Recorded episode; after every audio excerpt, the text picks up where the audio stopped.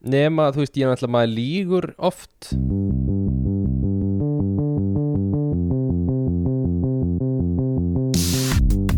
Halló er eitthvað að frétta?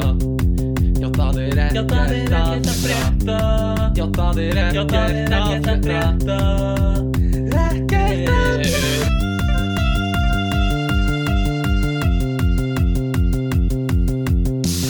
Sonur minn fáður sæti og uh, játaðu syndir þínar uh, Það voru þú að segja Fyrirgeðu pabbi Ég Fyrirgefðu, var pabbi.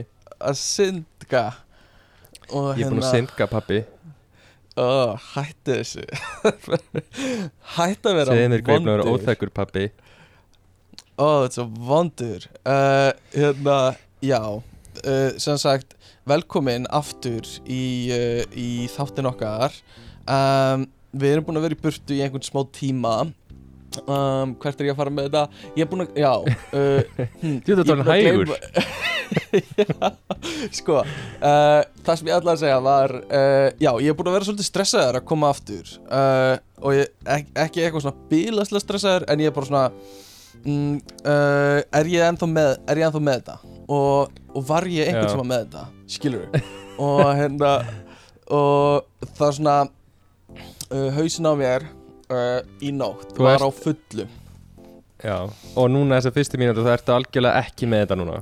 Já bara enga veginn með þetta núna. Uh, nei við erum búin að vera í fríi í svona cirka mánuð uh, og mikið búið að gerast síðan þá og, og mikið vantur undir sjávar. Við erum á þátti 88 uh, rauðin dagsins í dag er hvað Guðmundur?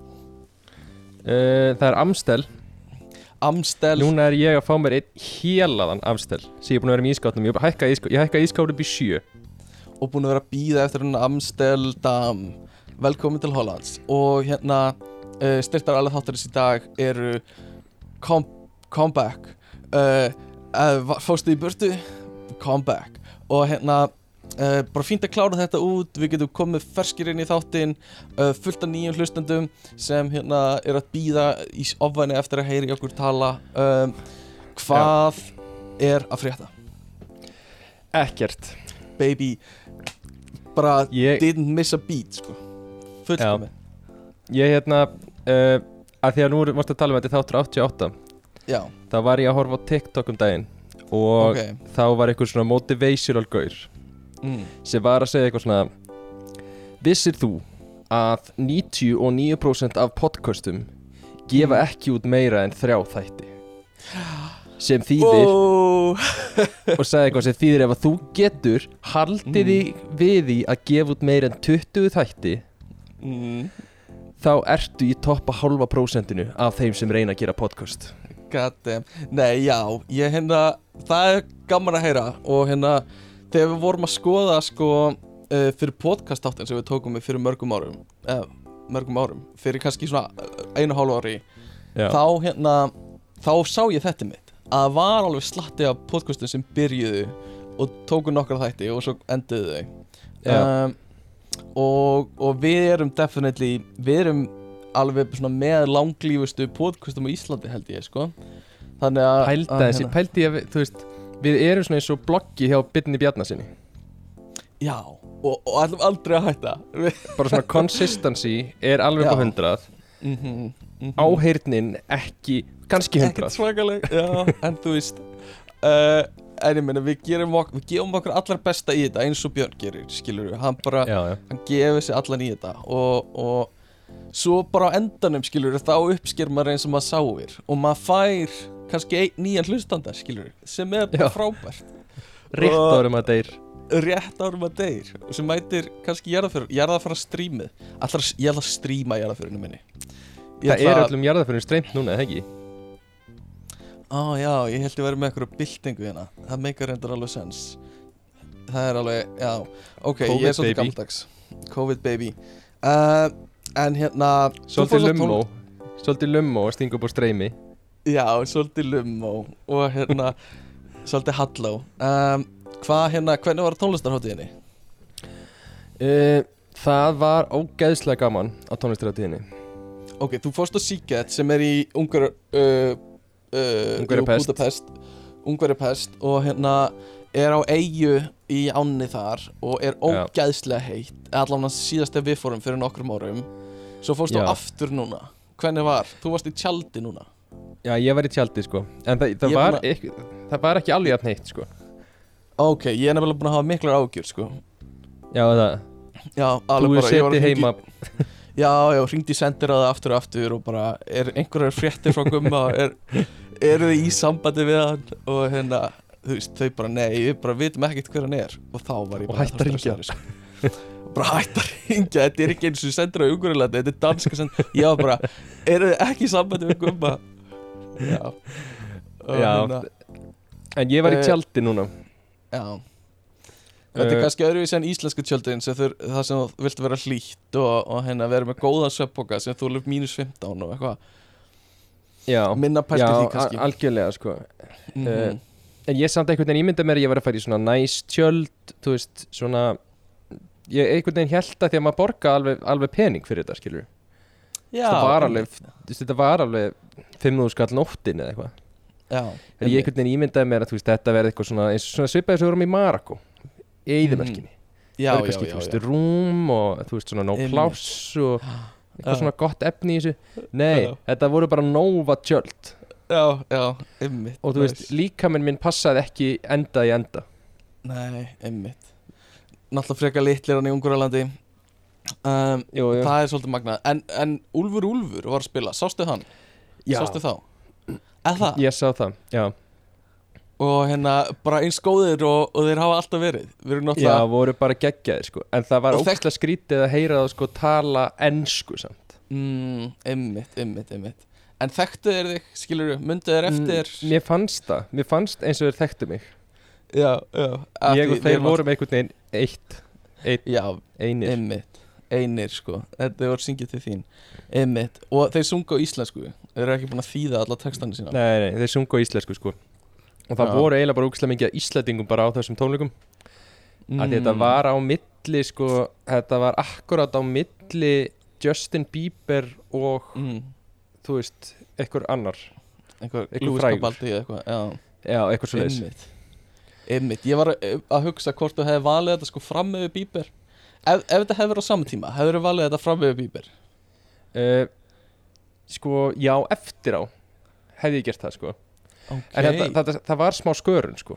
Þú veist, ég Já. var alveg sáttu við það sko. Einmitt, einmitt. Uh, Ég fó bara beint af Úlf Úlf á Bieber. Já. Um, Fáum við, fáum við smá var- svona re review, já, hvernig var eins og Bieber og, og eh, þessi fleiri? Sko, já, Bieber var ekki Þú veist, mér fannst hann ekkit spes. Nei Þannig að alveg fullt af lögum og svona En hann var svolítið svona, þú veist Það er alltaf eitthvað attitút í stráknum. Já, strákurinn er alltaf með þetta attitút, sko. Já. Sér ég skil er það vel alltaf- samt af Því að hann er Já, alltaf bara barnastjarnar sem bara ótrúlega að bara sé, þú veist, ennþá funksjónar. Nákvæmlega. Og þú veist, ég er alltaf hringi í kanadíska sendiræðu og ég er bara, eru þið í sambandi við Bieber? Hvað hérna, hafið þið frétt á honum eitthvað? Og þau eru hætt að hringja, þetta er ekki og, Þetta er en- danska sendir aftur. Þetta er aftur danska Einmitt Og já, ok, Bieber og hverju fleiri? Ég sko, þetta Eh. sem segir Bieber hljómar svolítið eins og maður heyrði frá hann þegar hann var í kórnum að hann hefði svolítið ekki nefnt þessu og bara attitút og Já, já, eitthvað svona. Held því þegar ert hættur að nenna að spila á 300 manna hátíð. Eða þú veist, þegar það er hætt að vera eitthvað spennandi. Bara, eh, það er svo leiðilegt tilhugsun einhvern veginn. Já, já, algjörlega sko. við myndum meika og vera með live show af podcastinu okkar fyrir fram að 300 manns og við erum bara Æ, ég ætla bara að mæma þáttinn. Og svo bara taka upp einhvern gamlan. Eða þú veist, það er bara ógeðslega uh, leðilegt eða eitthvað. Já, það er það sko. Ég held samt að hann hafi verið skárri heldur en í kórnum. Allavega Já, Júlía Já. segði það sko. Hann hafi verið betri heldur en í kórnum. Já, um, Calvin er- Harris var eitthvað besta tónlistar sjó sem ég farið í lífinu mínu ok, ok. Hann er Og það- bara Það heldur að það sé á Er það Já. betra heldur en hérna Þú veist, þegar uh, eitthvað botlega tók læri læri lei á, á hérna kótilettinu eða hvað sem það var. Ok, þetta er náttúrulega stuðlabandið Stuðlaband ekki, ekki botlega Já, já, já, var betri en það sko. Uh, Bara Ok. Calvin Harris, hann gerir ekki svo mikið á sviði En gæinn Mm. á bara 30 lög sem allir kunna. Og svo er hann bara eitt Spotify playlisti Og fær bara Mhm. póka af peningum Og Já. heim og lappar heim einmitt ok, það, ég bara get vel trúa því sko að það hefði verið geggjað og hérna voru þetta highlightin Calvin Harris og Úlfur Úlfur Já, Úlfur Úlfur, svo voru svona þú veist, öðruvísi stemming, Louis Capaldi og Teimin Pala, Mhm. mjög flotti tónleikar einmitt, einmitt. um, Þannig já, ég var mjög ánægð með þetta en Úlfur Úlfur, það var ógslag gaman að frá Úlf Úlf samt svona, þú veist. Já, Þeir ekki, hafa ekkert spilað mjög lengi. Nei þeir hættu eiginlega bara þeir hættu saman Já, og hérna skildu að borða seng og hérna, en var hérna Svala Sva, Svala, Björgvins var hún? Hún er Nei. náttúrulega svona Svala Kali sko, svona topp tónlistamæður einhvern veginn. Og já, hérna eh, hún var ekki á hátíðinni nei. Það er ákveðin synd sko. Hún er, hún er svo aktiv á Instagram og, og svona. Það Já, hefur verið gaman að sjá hana. Um, já. bara pæling sko. Uh, En já, ég kefti mig líka vodka vassbissu fyrir Úlf. Já, einmitt. Það er, það er hljómar vel. Var það þá selt sem í staðan fyrir skoti eitthvað og kaupir eða vaspis á barnum fulla á vodka. Nei, ég kefti bara vassbissu og svo var, laumaði ég nefnilega vodka inn á Mm. hátíðina. Já, í vaspisunni Já. Já, ok, voru það að fara mikið út af sveið nei, nei, nei, nei, nei, ekki í vassbissunni Ég tók vodkaflösku ok, í hana inn í svona upprúluðu teppi sem ég var búin að setja umbúðunar aftur utanum. Ok, ok. Og við vorum tíu manns. Já, og það var leitað á öllum og það voru þrjár aðrar vodkaflöskur teknar af öðru fólki. Oh, nema þegar ég mætti og konan þreifar eitthvað svona aðeins að pókanum og spyr, ertu með áfengi? Já. og ég segi nei. Nei, svo segir hún, en eiturlif og ég segi nei. Nei. Og hún horfir á mig og hlær svona aðeins hún hlær svona eins og ég heyrði hann að hugsa nei, auðvitað ert þú ekki með áfengi elsku drengurinn. Og hún sleppti að leita í töskunum minni. Eini sem hún sleppti því að leita í töskunum hjá. Áhugavert. Ok, þannig að Já, já, þú lítur náttúrulega út fyrir að vera Þú veist, englaba Nó, ég kemst upp með allt. Mér skemmtilegt að hafa svona hleið Svona eins og er svona bonding moment hjá okkur. Mm -hmm. Auðvitað ekki, auðvitað ekki. Við Vá, gerum það ekki er svo leiðis Nei. En hérna, já Þú ert nú búin að gera ansi mikið samt meira. Hvað hérna Hvað gerir menn Hvað gera menn í svona sumarlok? Uh, ég fór á annað festival hérna í Hollandi sem heitir Já. Mysteryland. Já, einmitt. Og má ekki segja frá því? Nei. Það er líka Nei. bara leyndamál, hvað gerist þar sko. Um, já, Hérna, já Ég er búinn að gera ansi margt líka Og ég ætla alltaf að skrifa niður hvað ég er búinn að gera En svona glemdi og skrifaði bara eitthvað svona smá niður. Um, Ég, ég hérna Ég sá, ég var að keira heim Um miðanótt, einu sinni. Eða miðjanótt, einhvern tímann eftir miðnætti Og hérna eftir nýju eftir nýju búin að fara að drekka mitt blóð á hérna uh, og bara keira heim. Og það er búið að keira yfir kött á hérna kringlumýrabröðinni ok, og, og hérna, ég, ég veit ekki alveg hvort að þetta er nóg merkilegt til að segja frá þessu en ég svona keiriði tilbaka svona stóran ring og kom aftur á kettinum og ætlaði að taka hann út þetta var svona stó, þetta er út á stóri umferðagötu hvað fórstu aðra umferði yfir hann? Já, ég svona bakkaði nokkur sinnum yfir að fram Nei, ég hérna Ég kerði ekki á hann, það var búið að kera á hann. Og, og kem aftur á Þá er einhver kona komin og er svona að reyna að ná hann út og greiði kötturinn leit svo illa út sko og hérna, það er alveg svona mynd sem svona greifist inn í hausnum manni. Það er svona auga, svona liggur út úr hausnum og, já, og hann all, allir svona í mél sko, það er einhver bara bombað á hann og kyrt svo í burtu sko.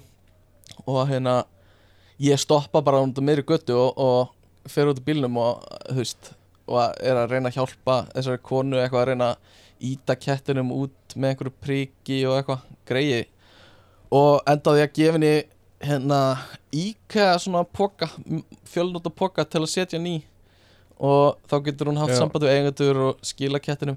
En þetta var allt eitthvað bara svo uh, þú veist myndið þú Æ, ég veit ekki, þetta var eitthvað svo Þetta var svona óþægileg stemning hana, hjá okkur tveimur um miðjanótt að að reyna eins og við værum að fela lík sko saman einhvern veginn. En hvorugt okkar bara ábyrð á þessu sko Var og þetta smá þrill?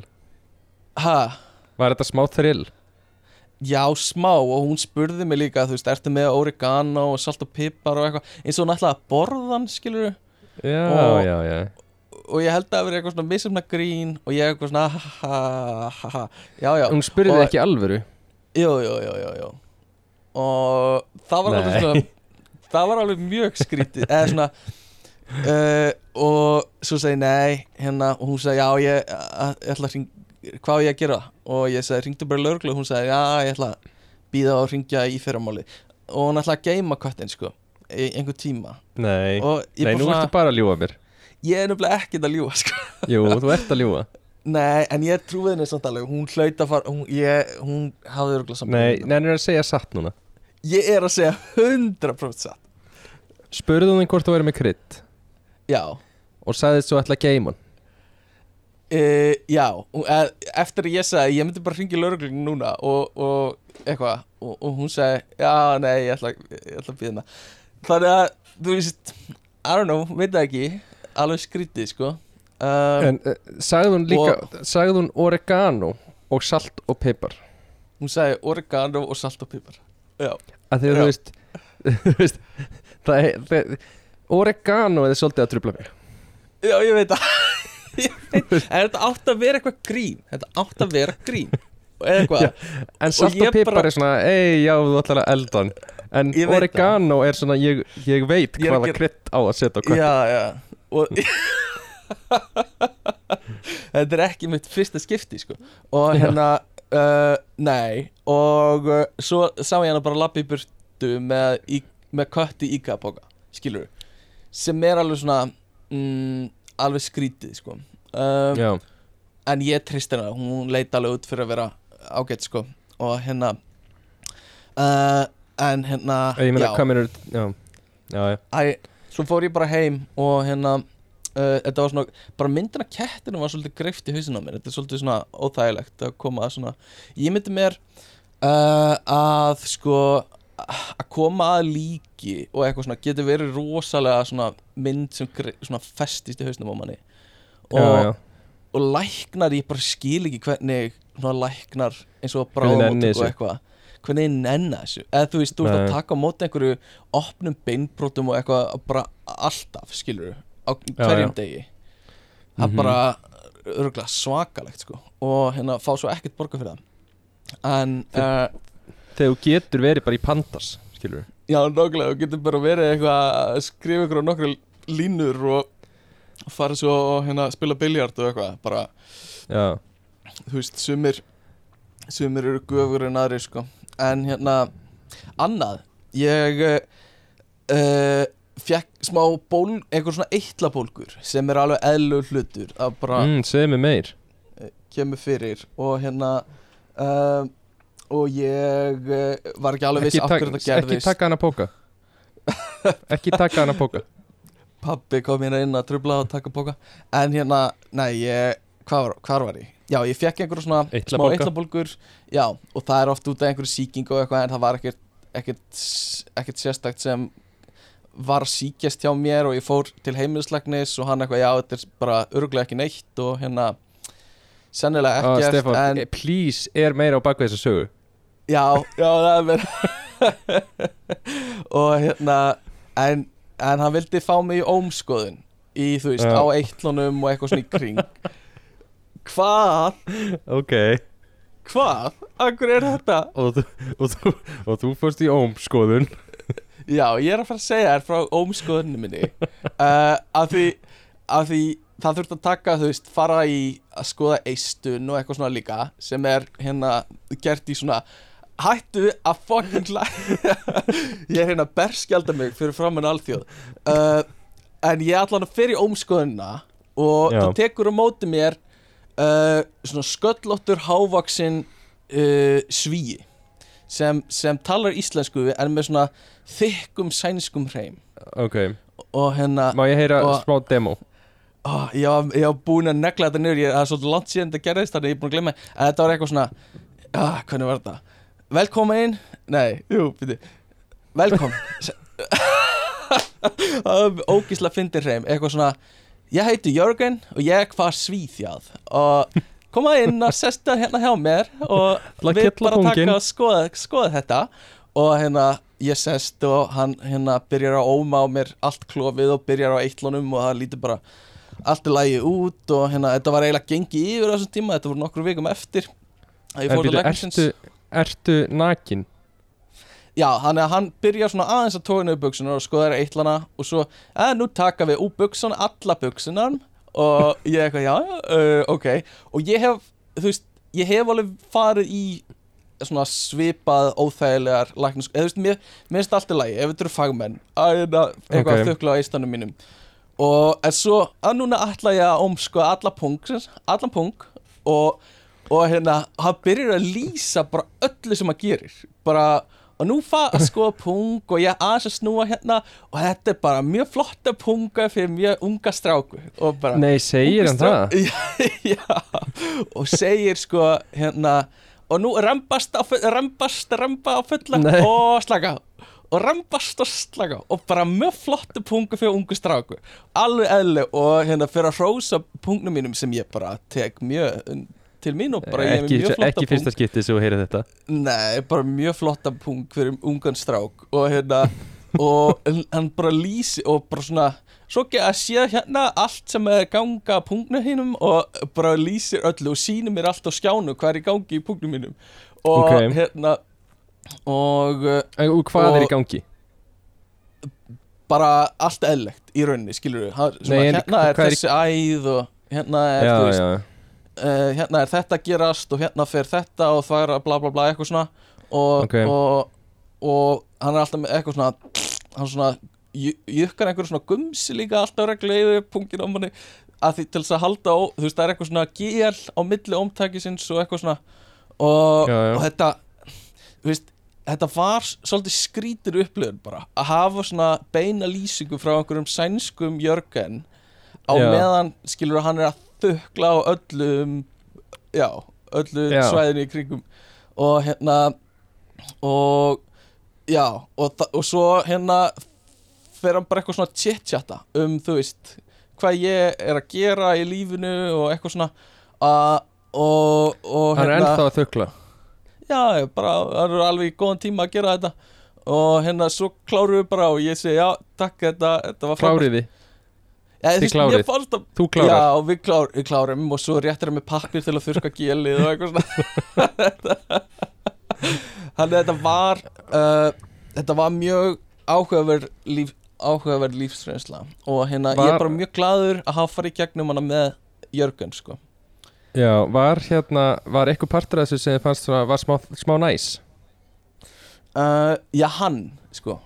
Bara, Nei, hann en- var ógislega vinalegur og, En guttlið uh, Nei, það er uh, bara al, algjör viðbjóður sko. Eða þú veist, þannig. Það er ekkert eitthvað frábært sko. Eða þú veist, ég já. hata það ekkert. Ég ger þetta alveg Nei, þú heima hataðir stund og ég, hugga svolítið geli á, á klóða mér. Uh, Nei, en hérna já, og það örgulega besta var bara, hann sagði þetta, allt, þetta lítur allt mjög vel út. Þú ert með bara, það væri til dæmis eisnakrabba minn, þá myndum við sjá það hér. Að ég veit að ég er ekki með eisnakrabba minn og hérna Ok, bara mjög hughristandi takk fyrir það. Og bara mjög fall, flottan punkt fyrir ungan mann. Og, og hérna skemmtilegt sko. Um, þannig að ef einhver uh, ef einhver er vill fara í ómskoðan þá get ég bara mælt með honum Jörgen vinnu mínum sko. Og hérna hann er algjör fama ævilangur vinnur á, hann hann ævilangur við, sko, við erum með þau í bandi sko. Og hérna uh, en, en hérna svo er ég líka að leita mér að vinnu um, úr einu í annað. Og náttúrulega kom með að fjölskrona mína ég er með uh, góðan pung fyrir ungan dreng. Uh, ef að atvinnu rekendur eru að pæli því en hérna já, eftir þetta er LinkedIn mitt komin á LinkedIn strákurinn uh, tók prófælmyndir og hérna uh, fór í myndatöku út um allan Garðabæ. Og hérna það er alltaf smá vandrarlegt þau voru fyrir Já. framan einhverju umfyrragötu að pása og einhverju að taka myndaðir.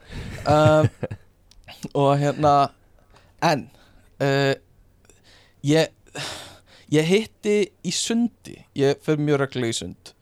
Og Já, sé strák sem hérna sem ég hef séð nokkur sinnum í sundi og hef séð svona um, ég ætla ekki að segja að hann ráðist á fólk en hann svona tekur fyrir fólk og spjallar það bara í drasl ok. Hann bara, hann bara uh, og bara endalust tala. Við þekkjum svona spjallara í vinahópnum okkar og, og fleira. Já. en þetta er alveg svona next level gaur. Er þetta eldri maður eða? nei, hann er, hann er svipum aldrei við aðeins eldri, nokkrum árum eldri við. Ok, uh, í raun nú bara strákur sko. Og hérna ég sit fyrir utan gufuna og, og hérna nýbúin í, í svona gufusessjoni og, og er aðeins að kæla mig niður sit fyrir utan gufuna og sé að hann svona horfir á, svona lokkar augum við mig. Og ég horfir svona beint í burtu. En þá er hann búinn að velja sér target fyrir daginn sko. Og hérna, ég er svona uh, ok, ok, hann er ekki komin að mér. En þá fyrir aftur tek rán 2 í gufinni og eftir svona eina myndu sé ég að labba svona hægt og rólega að gufinni og opna og Nei. koma inn og hérna ég sit bara í gufinni og, og það eru svona nokkur laug sæti en hann sest sko akkurat við hliðina á mér. Og ég er svona ok, hvað hérna hvað er að gerast hérna? Og svo bara það er annað fólk hana í gufinni og í gufinni þá glimur alltaf og talar sko. Já, bara já, svona bergmálar sko. Já. og hann byrja bara Ert þú frá Garðabænum? Og ég eitthvað, já, varst í Garðaskóla? Já, í hvaða mentaskóla fórstu svo? Já, ég, ég fór í MR og bara svona reyna að svara stutt að því ég, veist, allt annað fólk í kringum var alveg að hlera þetta vel sko og bara Já. svona, nennir ekkert endilega að hlusta á þetta og hann bara, já og hérna, hvað, fórstu svo í háskóla? Og ég, já, ég ég fór í háskóla og hvað varst að læra og hann bara svona yfirhyrði mig og ég var bara svona stutt svör að því Já. þú veist, mér erst alltaf lægi að spjalla en ekki inn í gufunni þar sem allir bara svona, sem glimur fyrir framann alla sko og ég segi, já, ég var í hugbúnaðarkræði hvað segirðu? Ég var í hugbúnaðarkræði, já, ég var mitt að hérna skrifa Python áðan og fyrir að segja mig frá því að hérna, hann Ok. hafi verið að leika sér í Python og hérna uh, og fyrir að, fyrir að hérna, uh, þú tala um einhverja Segir að ég var að skrifa skrifa. Python Já, ég var að skrifa Python á hann og hérna, já, og fyrir að segja mig frá því öllu og bara á mig að bara glimur allt inn í gufunni eins og Já. ég sé að taka þátt í einhverju svaka saman, að því ég vil ekki trubla fólk í gufunni en á Já, bara, já.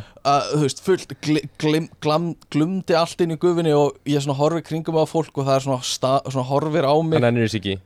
Og nennir þess ekki og ég eitthvað svona set upp svona hvað ég gera svip? hérna á móti. Og, og hérna hann heldur bara áfram og svo fer hann að tengja við eitthvað fólk sem ég er að vinna með þekkti einhvern þar og, og hérna og svo endanum já, ertu á LinkedIn? Og ég eitthvað, já, ég er á LinkedIn. Já, ég adda er á LinkedIn. Þá er hann bara að networka alltaf, skilur þá Aha. er bara þá fer hann bara og, og hérna og addar, þú veist, tekur fólk í spjall og svo addar ég á LinkedIn. Mm, Sniðugur. Þannig að, já, þannig að þetta er svona þetta er svona next level sko networker dóti eitthvað sem hann var að gera sko. Uh, og þannig var ég targeti sko fyrir, fyrir þennan dag en ég var bara fegin, ég gæti nota nýja LinkedIn prófæla minn sko, mjög ánæði með Og Ert þú hérna- síðan núna, ertu farin að networka núna? Uh, já, nei, ég, ég skoða bara þessi LinkedIn suggestor og adda connection ef ég þekki manneskina sko. Þannig að þú addar vera- connectionum á LinkedIn?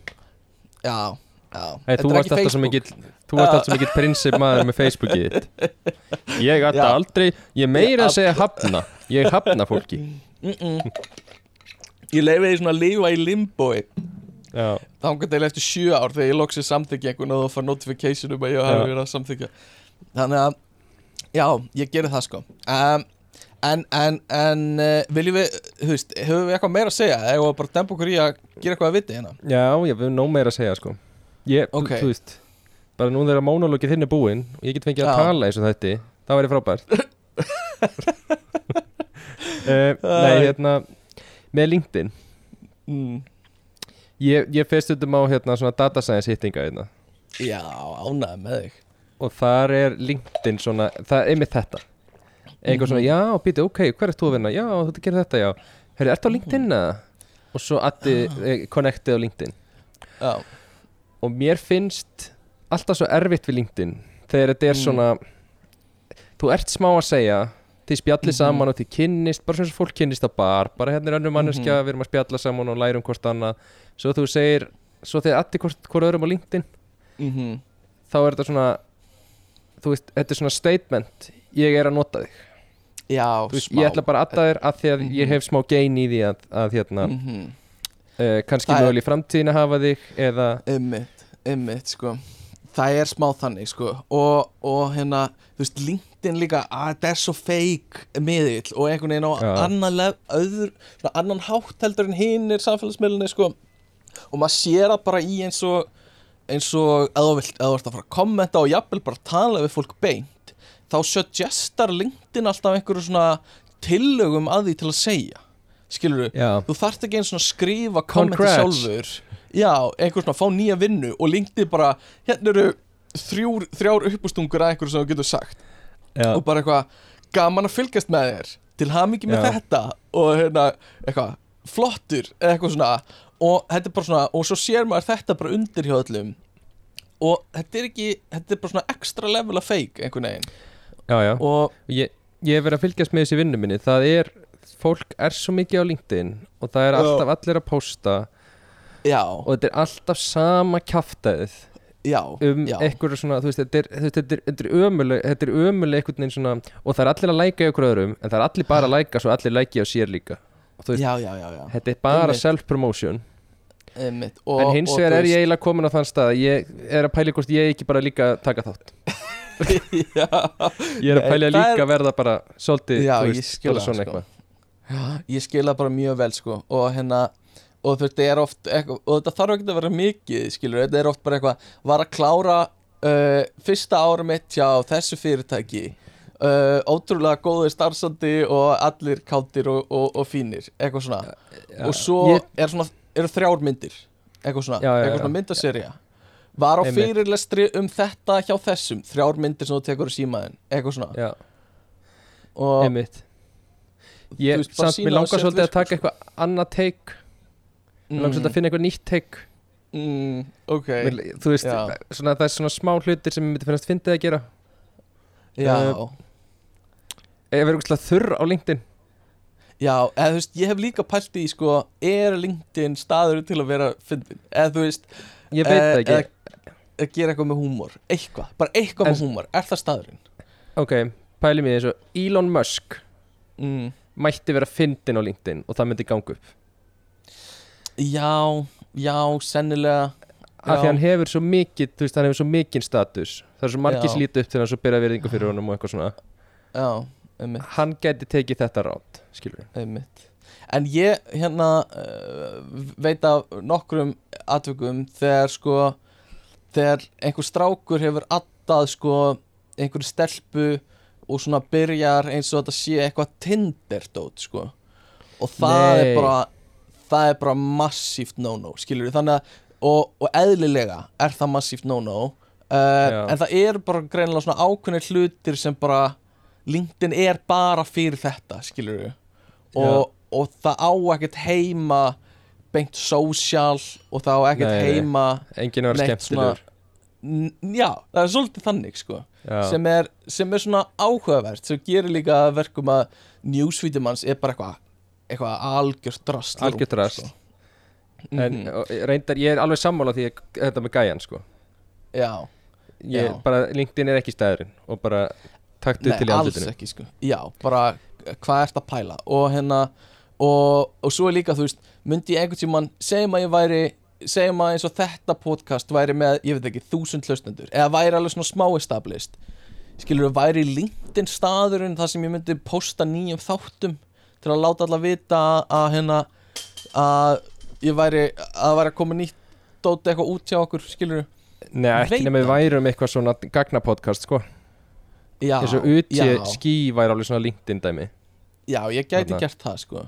En Já. algjörlega það við hérna töluðum við ótrúlega áhugaverða manneski mikilvægi Mhm. gagni grunna eitthvað alveg Dreftu Já. mig ef ég séði pósta svona.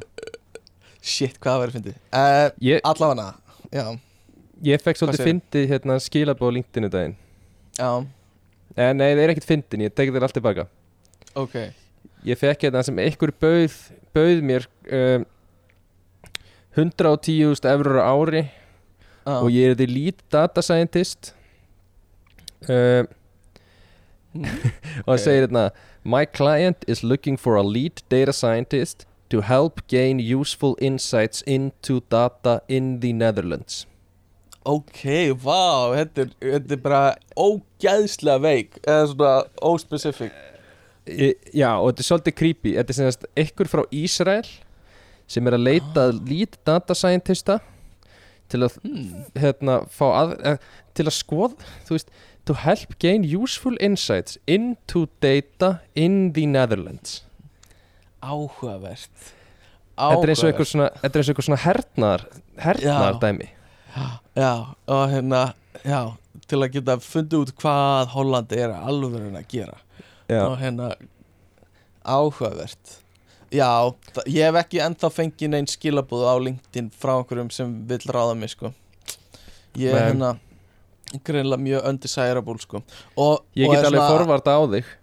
Já, takk, ég er tilbúin að hérna, finna út greina Hollandsgögnin. En hérna uh, en ég er búin að vera að pæla þú veist uh, að, svona, að byrja að senda umsóknir og eitthvað svona. Um, en uh, það kemur alltaf svona cover letter þess að þú þarfst að skrifa það. Og ég bara nenni því ekki. ég bara nenni ekki, skilur eitthvað, get alveg fyllt út ferilskrána mína og eitthvað svona. Já, svo hérna er eitthvað bara svona um mig þar kannski. En bara að skrifa coverlegt er bara, þú veist það er svo mikið pain. Og, og þú veist, ég áttum á því þetta er sennilega til að filtera út bara shotgun aðferðina sem fólk tekur sko. Þannig að aðeins að fá meiri gæði umsóknuna og þú veist, ég Já, ég endaði að gera þetta en ég bara nenni því ekki alveg, alveg strax. En uh, ertu, ertu, ertu að sækja um, þú veist Ertu að leita á LinkedIn að vinna með það?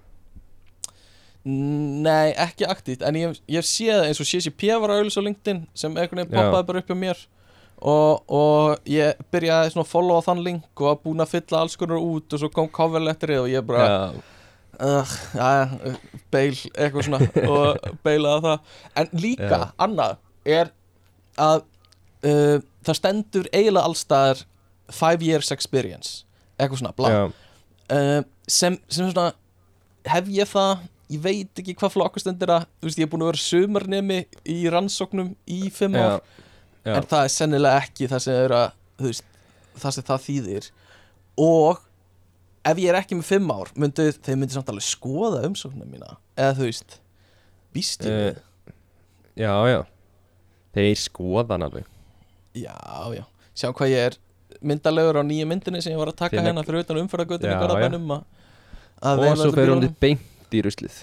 Beint, já, eða á ískapin Beint á ískapin Flott, flott hjá þér. Um, Nei, hérna uh, er, er þetta leðilegt tal, eða? Ef að fara að gera eitthvað annað, eða? Nei, á ég já, á alveg eftir að segja tvo hluti sko. Já, ok, það er Já. bara þannig. Já. Það er bara, log, loksins kemur þú með fulla, fulla, fulla tunnu hérna af einhverju dóti. Mm. Já, hm, Ok, fyrsti hluturinn er að Ég var að skrifa undir nýja samning. Já, Þannig ymmi að Ég er orðin permanent starfsmæður núna. Já, til hamingi með það. Og hérna, mögulega nýr titill Data Engineer. Nei. Ég er Nei, data nei. science engineer.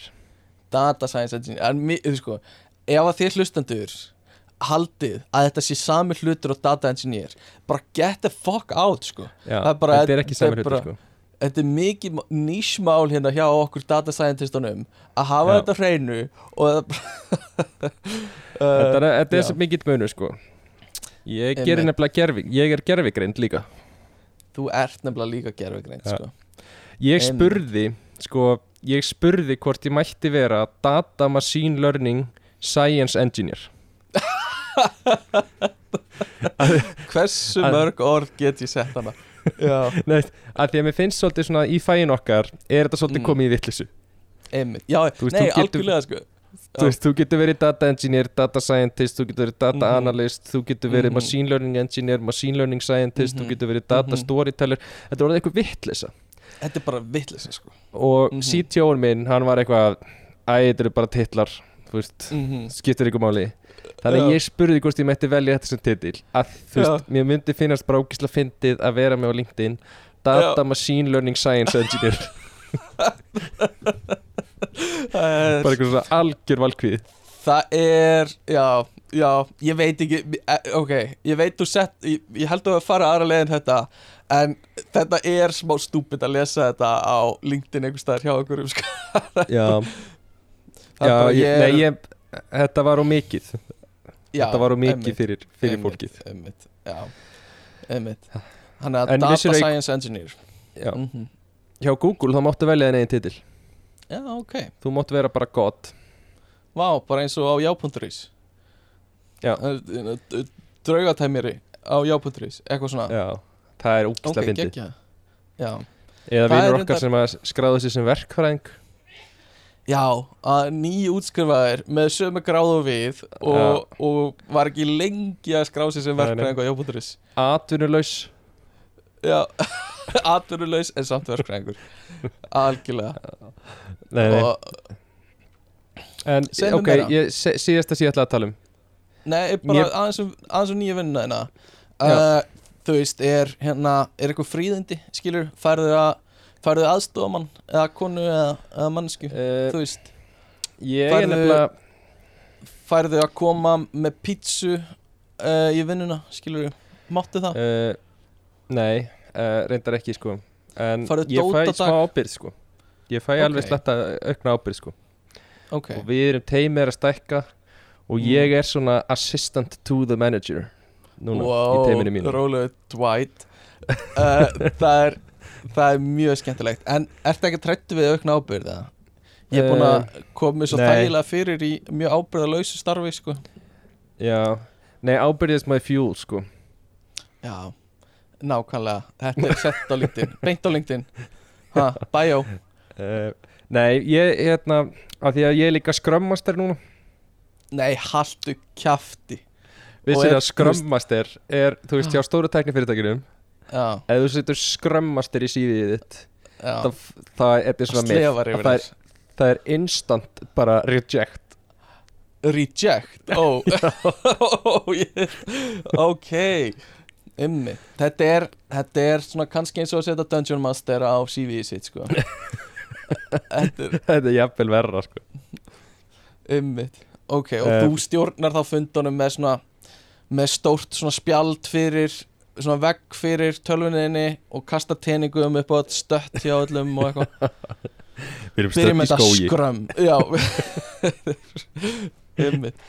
Ok, hei, bara vel gert, skrömmaster Já. og hérna Ma, viltu vera skrömmaster podcastsins?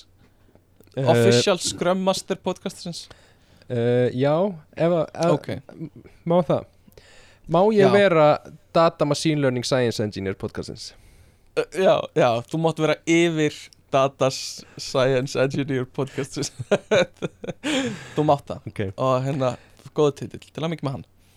Já, já, takk fyrir það. Uh, Mm. En núna hinu sem ég ætla að tala um. Já, Ég blöskraði vikunni. Gott, ég las fyrirsögn á vísi. Já, Og það stóð Jólin eru komin í Costco. Já ymmit, hvað er að frétta?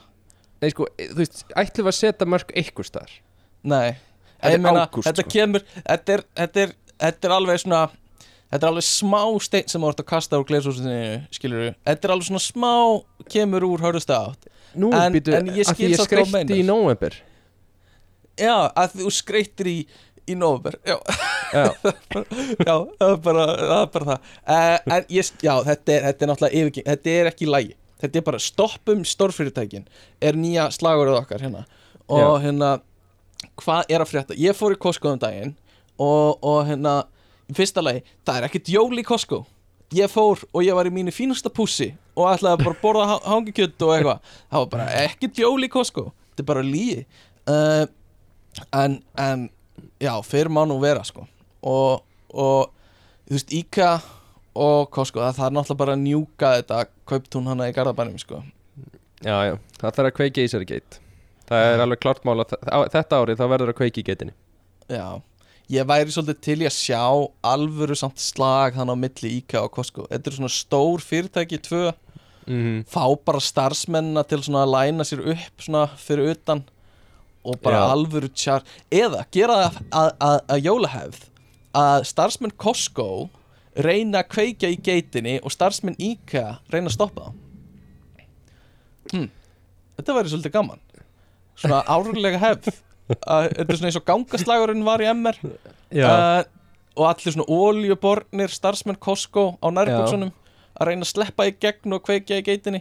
Þetta er svona eins og eins og úrugæin í Two Towers í Lord of the Rings að hlaupa og reyna að kveikja í sprenginni já. Mm. mm, Já Hugsum þetta. Hugsum- þetta, ok, söltum hugsum þetta þetta. aðeins. Söltum þetta aðeins. sorry, s- söltum þetta aðeins. Þetta er, þetta er léleg hugmynd og þetta er bara af því við erum búin að vera í svo langri pásu að ég er ennþá að reyna að koma mér á réttan stað sko. Já, já, uh, það er búið að við líða oflátt Já. Uh, En ég er aðeins búin að pæla hvort við ættum að taka fyrir svona fréttir vikunar Þetta er hérna og fara yfir það alltaf í þettunum af því ég held að, ég held að margir geti haft gaman að því sko að fá svona topical hérna skoðanir. Þá, þá bara svona Fox News skoðanir á fréttinar sko. Já, dokumentera aðeins. Do dokumentera aðeins hvað er í gangi í heiminum og, og hérna, þú veist, hvað er í gangi með Trump? Akkur var hann að halda öllum sem skjölum? Skilur já, og við getum sagt eitthvað svona hann er náttúrulega bara bilaður sko og hérna hvað ef að, þú veist en reyndar eitt með það. Ég held að svolítið mikið af öðrum fyrirverandi fórsetum bandarækjana séu að svitna núna bara, uff, ég er með hérna skjál hjá mér sem átti ekki að vera hérna. Og veistu um hvað ég er að tala? Þú lítir svolítið út þess að þú veitir ekkert um hvað ég er að tala. Já, já. Þú ert að tala um einhver, það er eitthvað fullt af Það er eitthvað Trump. Já. Það er fullt af skjölum bara Hann er að fela. Já, svona Hérna. top secret. Já, mm sem að, já. Nei, nei, já, nei, nei. Það er allir að svitna. eitt- Já, ok. Reyndar eitt annað sem ég er að pæla og það er ekki tengt fréttum vikunar en ég er nokkuð sem að þú getur hjálpað með þú ert svona hagfræðingur. Um, uh, nú, er, nú er sko kvótakerfið á Íslandi og sem þýðir að, að fiskveðinar eru í höndunum á fullt af einhverjum gaurum bara feitum köllum út í bæ eitthvað svona og, og peningur Já. fer þangað. Og kannski borga eitthvað smá en, en hérna mestu peningur fer þangað.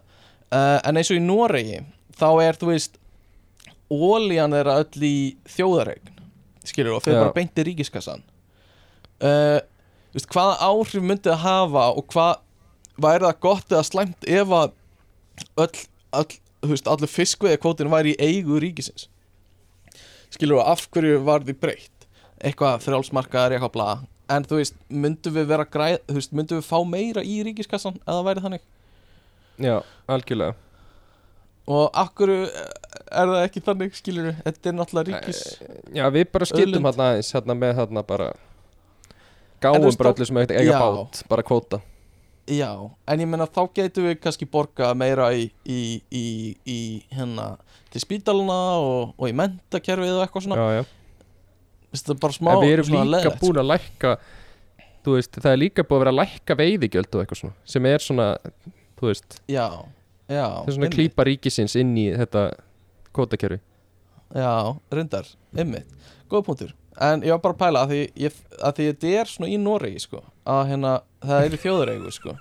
Bara að segja það, bara eða í að- Noregi. Ógstu til að sjá því taka þetta upp á alþyggi og bara Þetta er í. Nóri sko. Það ég var bara að skoða að stráka mér að er í Nóri þá er allt í ríkisegu Já, ég veit ekki uh, Allavega hérna við ætlum að tala um, tala um játningar í dag. Að Já. játa. Og hérna þetta er svakalega mikið af þessu netinu sem ég er búin að vera að hella mér yfir. Og það er eitthvað svona præmal við það að játa þú veist, syndir eða eitthvað sem þú hefur gert. Þú færði einhver svona relief við að gera það. Og þú veist eins og katholska kirkjan bara nýtir þetta rosa mikið. Að fá alla til að játa syndir og, og Já, já. þá líður öllum miklu betur eins og þessi hafi verið að tala ykkur við en ég meina þetta er bara þetta er bara mannlegt skilur að, að sleppa tökunum á einhverju sem þú ert búin að vera að hugsa með þrágifir og engin svolítið veit get, og svona get fríar og jail card fyrir katholsku smá kirkjuna þannig smá þannig og þú veist tæknilega sé þá hafa sem er náttúrulega magna prestar í katholsku kirkjunni sko þau, þau hafa einhvern veginn guð, guðlegan hæfileika til að fyrirgefa syndir þínar sem Já. er bara eitthvað svona mm, að prestarnir séu með þann bara þá náðar þetta er svona eins og afskriftar hérna þegar gast keiftir bara afskriftir syndir þínar hjá katholsku kirkjunni Já, bara með því að borga pening bara eitthvað, eh, bara brenglað en þá getur einhvern veginn friðþægt hérna, uh, hérna samviskuna þina en er, þetta er líka bara samu að gert í vísindakirkjunni þar sem þú ert ótitaður og bara átt að viðkjanna allt slæmt sem þú hefur gert og, og hérna þegar þú gerir það þá hreinsast sáleiðin og eitthvað svona. Þetta er bara nákvæmlega sama. Og, og hérna þetta er bara svona þetta er, uh, þetta er bara snildar move hjá báðum þessum, þessum trúabröðum sko. Að hérna til að fá fólk til að taka þátt og, og hérna vera með. Og þetta er bara sama og gerir þegar þú fer til sálfræðing skilur, bara talar um eitthvað. Og hérna, En- þú veist, líður okkur bara betur. Uh, trúið Trúið þú því að, að til dæmis Tom Cruise að þetta sé svona það sem haldi honum í Íslandakirkjunni? Að það sé búið Eh, að taka já. hann upp við ekki allt þetta ég held að hann sé í fyrsta lagi bara of langt litur eða þú veist, hann er bara, hann er búin að kommitta of mikið einhvern veginn Já. en ég held, ég held líka bara eiginlega að- hérna hann sé búin að viðkjæra eitthvað fullt af drastli og þau hafa bara rosa mikið á hann sko ég bara, já, ég hugsa það sko og hérna hann vilji ekki vera þarna uh, já mhm. Þú veist, hann á að vera á eitthvað næst hæsta levelinu eða eitthvað. Þetta er svo steikt í vísindakirkjunni.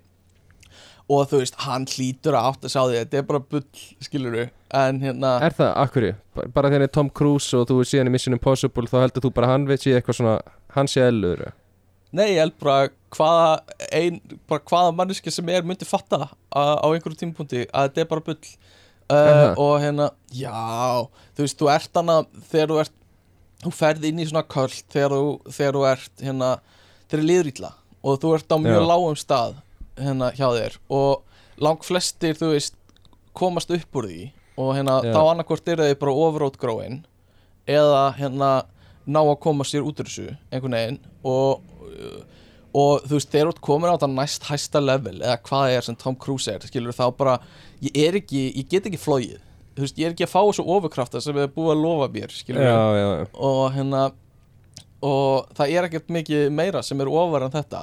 Og en þú veist geta, ég geta alveg trúaði líka að þau eru að gera eitthvað fyrir hann sko. Þú veist, kannski fær hann eitthvað í staðinn nú, hjá þeim, skilur fær að nota Já. eitthvað fólk eða, eða þau hjálpa ferl, hafa hjálpa ferlinum hans. Þú veist, það geta líka verið hann byrjaði í þessi það? 90 Hefur eitthvað hann- og, og þau geta að hjálpa hann að fá einhver hlutverk og hann er svolítið skuldbundinn eða eitthvað. Um, Já, þú getur byrjað hann í þessu svona snemma. Að byrja þessi mjög snemma sko. Hann er búin að vera post, posterboy þeim mjög lengi sko. Þú veist þannig að þetta er bara eitthvað svona Þú veist, hann hefur bara átt Top Gun og eitthvað já, Hann var ekki byrjar á Mission Impossible hana nei, ég held ekki sko. Nei, nei, þannig að, að hérna, þetta er þetta er brenglað sko og þessar játningar eru náttúrulega bara snilt hjá þeim sko. Og hjá eh, bara að ná, ná að góma fólk sko. Og hérna en, en þá spyr ég þig sko. Hefur þú eitthvað sem þú vilt játa? Viltu játa eitthvað fyrir framann alþjóð? Sko ég bara Ég reyndi að hugsa um það Ég bara mhm. Ég bara í alvörunni held ég hafa ekkert að játa. Ok, ok. Nema þú Ég- veist ég er náttúrulega maður lígur oft Svona Já. hvítur lígi Skilur Já, Einmitt, einmitt. Kannski ef ég nenni ekki einhverju þá líg ég stundum Þá segi ég stundum Æ Mhm. nei ég reyndar var búin að lofa þessu Eða eitthvað. Já, sko, svona algengasta líin er örgulega í dag að hérna að fá skilaboð og opna þig ekki að þú nennir ekki að svara þeim með að uh, hérna, nennir ekki að Já. gera eitthvað. Og ég þekki, þú veist maður gerir þetta náttúrulega sjálfur eitthvað en hérna oft reynir maður bara að svara en svo þekki maður fólk sem og maður veit alveg að er meira í þessu en annað fólk, sko. Það Já, er bara þegar, þú veist, þegar það er eitthvað eitthvað jákvætt eða ekki endilega jákvætt, bara eitthvað svona sem að sem að manneskinn hefur í alvörinu áhuga á þá er bara komið svar strax og svo þegar, já, já. þú veist þegar það er eitthvað sem hún þarf ekki að svara þá er, þá er býður aðeins svarið sko. Sér- Sérstaklega ef maður þekkir fólk sem maður veit að sko símin er gjörsanlega á fastur við andlitið hann já, já, já, já, já, já, já. og við vitum alveg um hvern við erum að tala svona Já. að einhverju leiti en hérna uh, en það eru sumir sem eru svona meiri scenari og þetta er svona kannski ein lígi sem maður sem maður svona lætur viðgangast. Ég er með játningu fyrir þig og segðu mér hvað þið finnst um þetta. Ég uh, þvæ aldrei á mér fætuna. Um, þegar ég fyrir styrtu þú veist þá sápa ég á mér hárið og skeggið og andlitið og, og undir haldagreikunum og allt svona sem hendunum mín að ná þú veist rass og, og, og, og hérna reynsa tippaling og eitthvað svona. En hérna ég þvæ aldrei á mig fætuna uh, ég nutt aldrei sápu og leggina mína eða tásunar sko. Uh, Nei, ég, ég, já Mér finnst sko að því ég ger þetta ekki heldur. Sko, ok. ég ger þetta við svona Ég ger þetta alveg við lappirnar mínar. Ok.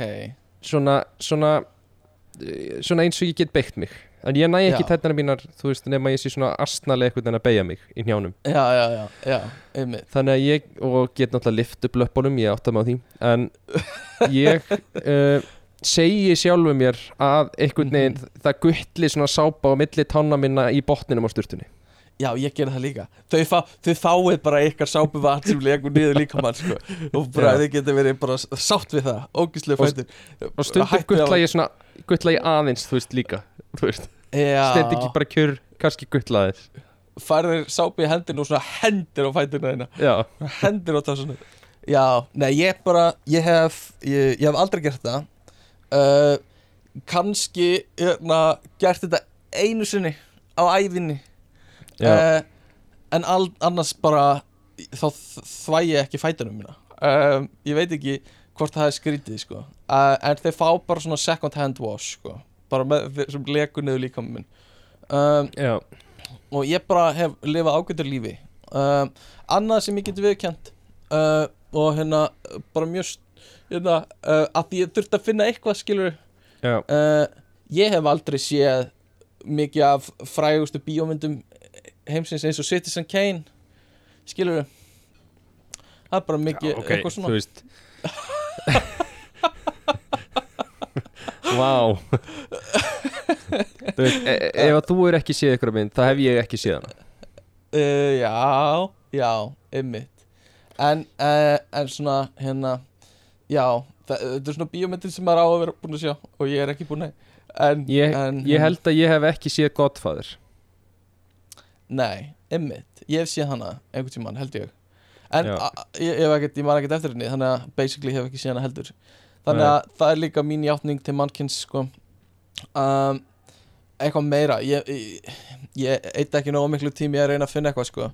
Um, En Alveg hérna, glataður í podcastu Það er játning, En- það er játning fyrir sig. það, nei, er alltaf, þetta er bara svona Og hérna uh, En þetta er náttúrulega ekki aðlítaki Þetta er bara svona brú inn í sko að því við ætlum sko Ég ætla að lesa fyrir þig sögur Sem fólk hefur játað á netinu sko Og hérna Við ætlum svona aðeins að greina það Og fara yfir það. Og kannski kviknar eitthvað svona minning hjá okkur Sem við getum þá játað út frá.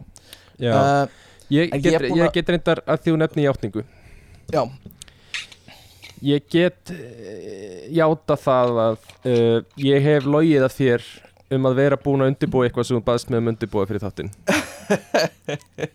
Oftar en einu sinni. Já, já, nei það er alltaf Ég er bara og, En færð samt alltaf Færð samt alltaf mestu hrósin sko. Það er bara þannig sko. En ég er algjörlega skriptaður, það er ekkert að baka við þetta.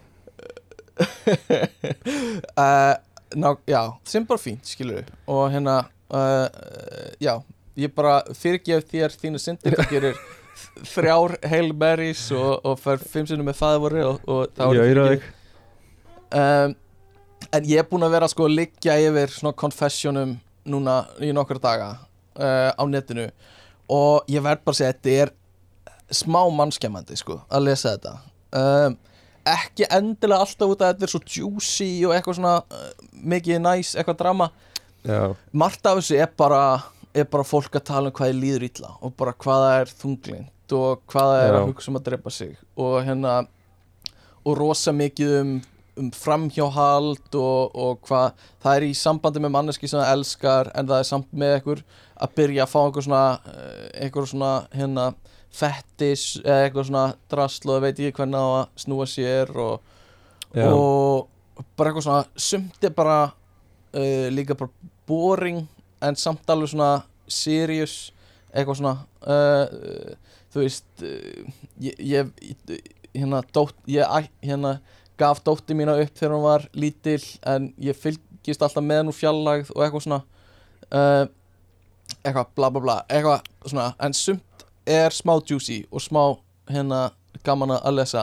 Ok. Uh, og hérna uh, ef, við- ef, við- ef við byrjum bara hérna á á einni góðri eða góðri, byrjum bara hérna á einni og, og ég ætla bara að lesa fyrir þig og þú grípur bara inn í eða kemur eitthvað ok, Ok, uh, þetta byrjar sem svona. Uh, ég vildi aldrei börn og uh, en ég var aldrei eitthvað beint harkalega á móti svo gift ég mig og kona mín vissi allan tíman að ég vildi ekki börn. Hún vissi hvernig mér leið. Þegar við trúluðum okkur þá var svarið mitt maybe en hérna en alls ekki meira en bara kannski þú veist, kannski vil ég það einhvern tíman en alls ekkert meira. Og kona mín vissi þetta. Uh, þegar vinni mínir fóru að eigna spör þá hérna fór ég að hallast meira og meira að því að mér langaði ekki börn. Ég sá hérna að sumir voru uh, með góð börn sumir fóreldrar en sumir fóreldrar voru bara með slæmbörn og uh, jafnvel auðveldustu krakkar liti út fyrir að vera of mikil vinna fyrir mig svo hérna deyr systir konuna minnar. Og allt í einu þá verður fjölskyldan lang mikilvægasti parturinn í lífinar og ég skil það alveg mjög vel. Uh, uh, já, á þessu tímpúndi var svar mitt við því að eignast börn en þá nei og kona mín var alltaf að, að reyna að koma því að aftur og aftur og aftur. Og hérna það fór svolítið í mig á endanum þá náðum samt að samfæra mig. Uh, samningurinn var og með eitthvað svona samning samningurinn var að fóreldrar hennar myndu selja búgarðin sinn og koma og búa í göttun okkar. Ég var uh, ég var uh, sam, ég var hérna, þau náðu að samfæra mig ég var samfærður ég var samt mjög heimskur. Uh, ég, mér var sagt að hafa ekki áhugjur uh, a- á neinu hérna sem svona alvöru skildum sem kom með að eignast krakka og ég myndi definitely, definitely ekki hérna missa líf mitt eins og það er núna af því amma og hvaða afi fróða er þetta? er svo mikið eitthvað flöffi ok, býttu Aðeins, bara stöldrum aðeins við Þetta er semast Ok, ok. Þetta er kallmaður þetta er kallmaður þetta er kallmaður sem á konu Já. og hérna uh, hann vildi aldrei börn og en konan hans náða samfaran og er að ná samfaran um að eignast börn af því amman og afinn ætlaði að koma að hjálpa rosa mikið. Já, Þau ætla En að koma hann- að búa og, og þau ætla að koma að búa í göttunni hjá þeim. Og Já. það er búin að lofa honum því að það verði engar svona einhverjar óþarfa skildur og að lífið hans muni ekki breytast. Ekki breytist neitt og hérna og fóreldrarnir þeir eru ennþá ungir þeir eru bara 50 eitthvað ára og hérna þau voru ennþá nógu ung til, a, til að sjá um barnið fyrir þau basically og hérna og uh, hann var með eitthvað svona mynd í hausnum á sér að hann hafði séð fullt af Disney myndum og eitthvað svona Kodak momentum sem bara svona, bara svona af hamingusum fjölskyldum og, og hérna uh, að hann þyrfti bara að vera bara að koma heim eftir vinnu og segja hæfi krakkana og eitthvað svona og, Já. Og hann sagði að bara þetta var það sem fjölskylda mín sannfærði mig um skilur, þau sagðu mér Ok. að þetta er þið svona. Er þetta mamma og pappi hennar eða hans? hennar sko, Ok, þetta eru fóreldra hennar. Og, og hann vildi bara vera svona 1950s pappi já, já, hann segir það sko. Og hérna það sem mamman gerir er allt hérna svona hallar meira á mömmuna það kemur á uppeldinu og heimilinu en hann geti bara verið í vinnunni. Og hann bara ok, ef þetta á að vera þannig þá bara ok, allt er góðu mínugna og svo segir hann, núna 11 árum síðar þá er krakkin minn með ODD sem er hérna eitthvað svona uh, það er ekki hérna aðteglisbrestur en það er það sem þú ert með hérna oppositional defiant disorder það er basically bara uh, uh, það sem eins og hann segir það að krakkin er bara asshole og defiant. mótþróa Mótþróa Þetta er eitthvað. mótþróa röskun einhver svona þannig Þannig að þú bara, krakkin bara þrýfst í því að, vera á móti og vera erfiður. Eins og hann lýsir þessu. pottit, ekki með þetta. Uh, Já, Bara, sko. Hann búin að vera bara á bara online doktor og google eitthvað sem hann er spyrjandi. já, Hann segir að hann hafi farið í greiningu sko. Það er ekkert Mm, annað ok. af þeim uh, Og hann segir að þessi greining þýðir bókstaflega að þau eru bara vindictive og cruel sem er bara, þau eru bara uh, ill og hérna leitar úti ágreining leitar eftir því að búi til ágreining. Og hérna þau eru ekki eitthvað svona erfitt með samskipti og þau eru ekki eitthvað hérna sensitive við stimuli. Þau eru bara svona út af því að þau eru svona. Hans, Ok. hann, þetta er eins og hann lýsir þessu. Þetta er ekki, ég þekki ekki þetta og, og all, þetta er ekki mín, mín skoðun. Hérna, Stefán, þetta er ekki mín skoðun hjá Stefáni. Uh, uh, uh, disclaimer uh, og svo segir hann hérna, og getið hvað? Am og afi, þau segja að krakkin er bara of mikið og þau hafa ekki hjálpað nema kannski einn dag í mánuði í síðustu sjö árin. Og svo Ó, segir hann glata. og hérna er ég á Reddit uh, í, í, í fartölunum minni og í einhverju parkinglotti eftir myrkur. Uh, ég kom heim í dag eftir vinnu og sonu minn uh, eftir að sonu minn hérna uh, fór að skirpa á, á hérna hurðarhúna hjá nágrannunum af því uh, og hann sagði ég ætla að reyna að gera þau veik.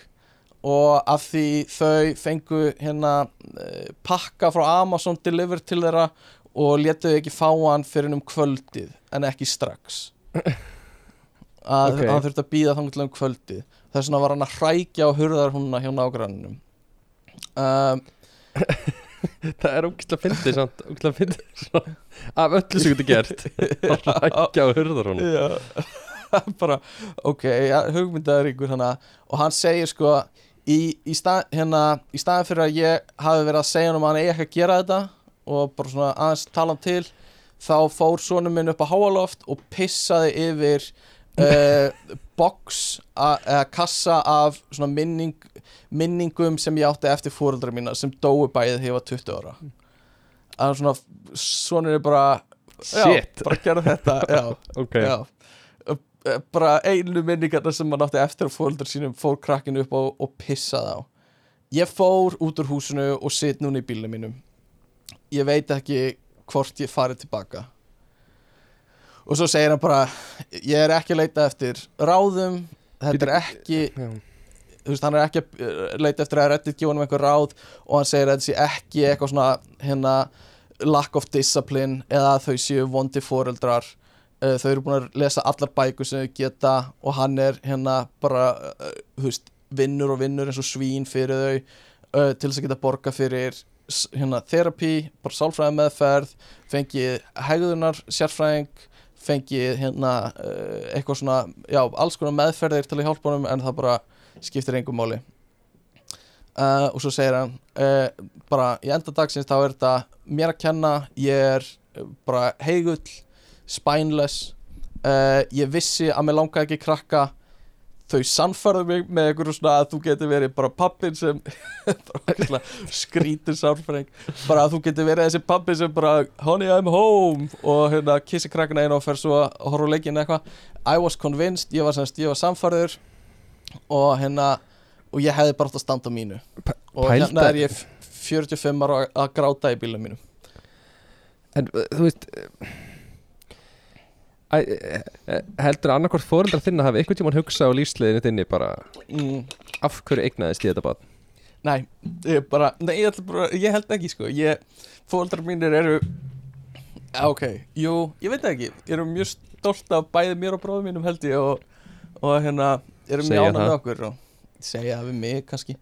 En Um, þú veist, pældi í að vera bara þú ert með 11 ára strák, skilur Þú ert búin að vera pappi þess Já. að batsi í 11 ár og þú ert að horfa á þetta og ert bara ah, Mér langaði aldrei að eignast batn Þetta Já. var ekki samningur sem var búið að lofa mér. Nei, ég, E- 11 ára, skilur já, já. Og bara ég þarf að gera miklu meira heldur en mér var að lofa þú veist þetta, já, ég veit það ekki sko, ég, þú veist, hann segir líka að, fyrir alla kallmenn sem eru að í sömu aðstæðum bara verið þúsund prosti vissum að viljið krakka árinni, eignist á E- um, Er hann hérna, er hann, hvað er langt þetta var gerður? Þetta var fyrir tveimur árum. Þannig að þetta var Já, sjá, já, lát, já Senda okkur hvernig, hvernig það fór. Fórstu heim? Nei, en þú veist eh, Maður getur lenda á því að eignast bara mjög erfið börn Býst Já. við, skilur Sama hversu góð gott uppeldið að fær þá bara hérna eru sum börn bara erfið. Um, Þannig að þú veist, eh, gæinn fer inn í þetta með kannski mikla rangkumindir uh, en hérna, þú veist samt, það er alveg erfitt þú eru að díla við þetta líka. En maður svona Eh, horfur á báðarlegar um, Já, þetta er einsaga það sem einhver er að játa. Þú um, lítur þessi gæti vera fórnalamb Ef þú getur verið fórnalamb í þessar sko. aðstöðu Þú lítur að vera alltaf ógislega mikið fórnalamb það gæti alveg verið að þú reynir það sko að spila það svolítið sem fórnalabi um, en þú veist, já, já kannski er þetta líka lágpuntur hjá honum skilur og hérna Og hann bara tók bara beintin á reddit. Já, ég menna Akkur ekki, bara fá smá sympati Ég gera þetta alltaf þegar ég lendi ykkur bara beint á reddit að tegja frá því. Hefur þú postað á eitthvað, eitthvað stað? Já, já, já, hérna Það var hagköpsmím síða sem ég fann með svona hagköpsmímum og ég til nokkur hagköpsmím og postaði þeim fannst ok. það viðbjörsla fyndi hérna, Það er þetta eh, fyndið Ég er nokkuð sem ég sé líka með topp lækuðu hagköpsmímin á þessu síðu að að- meina það? Já, allavega allavega uh, á, ég postaði nokkrum að þau eru öll held ég á topp 5 með eitthvað Getur þú hérna Getur þú sett á Instagram okkar ég, ég, get, ég, ég skal reyna mun að setja á Instagram okkar Hagusmímin sem ég postaði.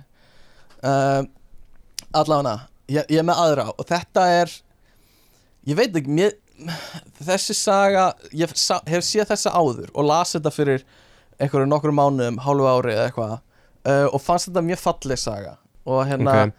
spurning hvað við fyrir langt í hana af því upprannlegi pósturinn er frekar stuttur en svo eru nokkur svona update sem eru aðeins lengri og við kannski Mm. fyrir aðeins inn í þau Ok. og, og hérna já, bara, þessi var svolítið skemmt svona, já, gott í hjarta um, titillin á henni er sem sagt uh, ég uh, hitti hérna uh, hvað segir maður á íslensku birth mom hérna uh, hérna líffræðilegu móðu mína. Já, ég hitti líffræðilegu móðu mína uh, reglulega en hún veit ekki hver ég er. Ok, og svo byrjar hann. Hún átti mig þegar hún var 14 ára. Í dag er ég 24 ára og hérna bara er full meðvitaður um að ég var hérna ætlitur uh, Fóreldra mínir, semst þau sem ætlitur mig þau, hann kallar þau fóreldra sína sem er það sem er held ég eðlilegt. Uh, sögðu mér uh, frá henni þegar ég var að alast upp. Ég er ennþá með bréf sem hún skrifaði til mín og spurði fóldra mína hvort að þau gæti gefið mér uh, ef þau vildu, semst það var í þeirra höndum að, að gera það. Það er smá crazy að lesa stundum og vita að hún var bókstaflega barn þegar hún skrifaði það. Og segir hvað henni fannst leiðilegt að hún gæti ekki verið mamma mín uh, eins og hún segir that she couldn't be my mommy sem er hljómar mjög svona eins og barn var að skrifa en hún vonaði að ég sé hérna hammingjusamur hún Ok, var til í að uh, vera í sambandi við mig uh, en þegar pappi minn flutti vegna vinnuna sinnar þegar ég var 11 ára þá leita út fyrir að vera hérna ómögulegt að finna hana. En uh, en þrátt fyrir allt þá fann ég hana. Uh, hún vinnur á litlum veitingastað og uh, ég fer þáka reglulega en hún veit ekki að ég. Stundum tölum við saman og hún verðist vera mjög viðkonuleg kona og bara nice lady uh, som, stundum þá segir hún eitthvað eins og uh, viltu ábót elskan? Og eða notar eitthvað svipuð hérna orð eins og elskan. Og þá langar mig ekkert meira en að segja henni frá þessu. Ég veit ekki akkur þetta gerir mig stressaðan. Uh, við spjöllum stundum og hún verðist vera mjög svona hérna genuine, bara svona alvöru hérna og góð manneskja. Uh, ef það er ekki mjög hérna, ef, ef ef það er ekki mjög upptekinn á staðnum þá hérna er hún meira til í að tala við mig bara um alls konar hluti. Ég keiri bókstaflega í tvo tíma til að koma og borða á þessum stað bara til að hitta hana. Og uh, stundum líður mér eins og hún þekki mig nú þegar. Uh, og hérna já og já, ég er búinn að fara ángað tvísvar í viku síðustu þrjá mánuðina og hún segir alltaf hæ við mig með stóru brosi. Uh, en bara, bara ef hún vissi. Þetta var semst fyrsti pósturinn hjá, hjá þessum gauður og maður er svona, ok, hvað, hvað gerist næst? Og Mhm. svo kemur fyrsta update hjá honum. Og það byrjar svona já, ég hérna, ég gerði það, ég sagði henni það. Og þetta var bara pretty heavy. Uh, hjarta mitt er bara að slá hratt bara að hugsa það. Uh, ég bara hugsaði, hugsaði hvernig á ég að segja það? Og var lengi að hugsa uh, mörg kommentin á síðasta posti uh, sögðu mér að ég ætti að skrifa henni bréf af því hún skrifaði mér bréf. En og það var uppálega planið en svo leið mér eins og það væri eitthvað sem ég ætti að segja frekar. Að þetta væri eitthvað sem ég ætti að segja frekar. Mhm. uh, ok, og svo segir hann eitthvað hérna um öll kommentin sem hann fekk hvað hann var ánægð með þau og þakkaði öllum fyrir það. Uh, ok, allt sem hérna, allt þetta gerðist uh, daginn fyrir, gerðdaginn semst í fyrradag. Uh, ég beið eftir að hún var búin með vaktina sína svo það var frekar seint og hún var að loka veitingastanum ég beið eftir henni í, í hérna á bílastæðinu. Við segðum hæ og þegar, þegar hún sá, við segðum hæ þegar hún sá mig uh, og svo sagði ég henni að það væri svolítið alvarlegt sem, þyrt, sem hún þurfti að vita. Uh, fyrst sagði ég henni bara sorry hvað ég væri búin að halda þessu lengi frá henni. Uh, hún síndi engi viðbröð þangur til ég dró út brefið sem hún hafði skrifað til mín. Þá byrjaði hún að hágráta uh, hún fór bara svona öskur gráta og, ös, og, og já, öskur og gráta saman tíma.